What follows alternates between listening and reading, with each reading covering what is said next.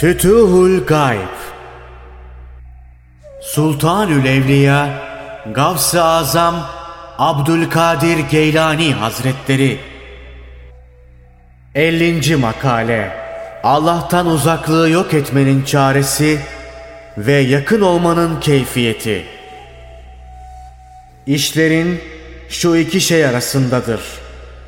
Biri Allah'a yakınlık, diğeri de ondan uzak olmak. Eğer sende ilahi nurun bir cezbesi yoksa neden durursun?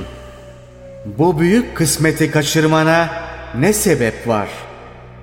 Bu kadar az aramakla kolay ele geçmesi imkansız olan nimeti neden oturarak beklersin? Durma, çalış. Hak yolda yürü ve kısmetini bulmaya bak.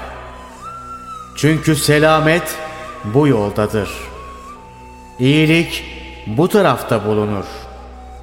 Dünya ve ahiretin zenginliği böyle elde edilir. Bu yolda yürürken iki kuvvetin olmalı. Tam mertebeni bulman için bunlar senin iki kuvvet kanadındır. Onların biri şehvet kuvvetini arttıran bilumum rahatlıkları terk etmektir. Hatta mübah olan şeyleri dahi bir zaman için bırakmak yerinde olur. Diğer kuvvet ise güçlü, kuvvetli olmaktır. Mümkün mertebe ibadetlerin zahirde ağır kısmını yapmalı. Daima kolay taraflarını seçmek iyi olmaz. Ancak bu şekilde nefsin elinden kurtulmak kolay olur. Bu durum kuvvet bulursa dünya ve ahiretin meşakkati kalmaz. Zafer yolları açılır. Yani Allah'ın emirlerine giden yollar zafer meydanı senin olur. Muvakkat bir zaman için mahrum olsan da sonra her şeyin senin olduğunu görürsün. Sonra senden büyük kerametler de zuhur eder. İzzet sahibi olursun. Bir gün gelir tam hakka ermişlerden olursun. O ermişler tam ilahi cezbenin içine düşmüşlerdir.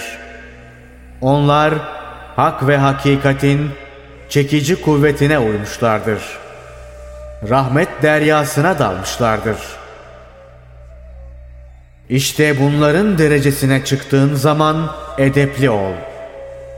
Bulunduğun hale aldanma. Hizmette kusur etme.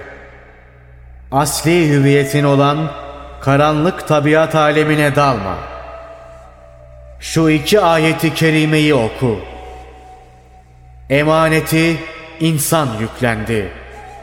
Ama kendini bilmez, nefsini kötüye kullanmak ister. İnsan aceleci oldu. Kalbine sahip ol. Halk, nefs ve şeytandan gelen şeylere iltifat etme. Sabrı terk etme.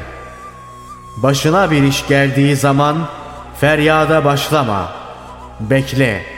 Sabırla bekle. İradeyi biraz bırak.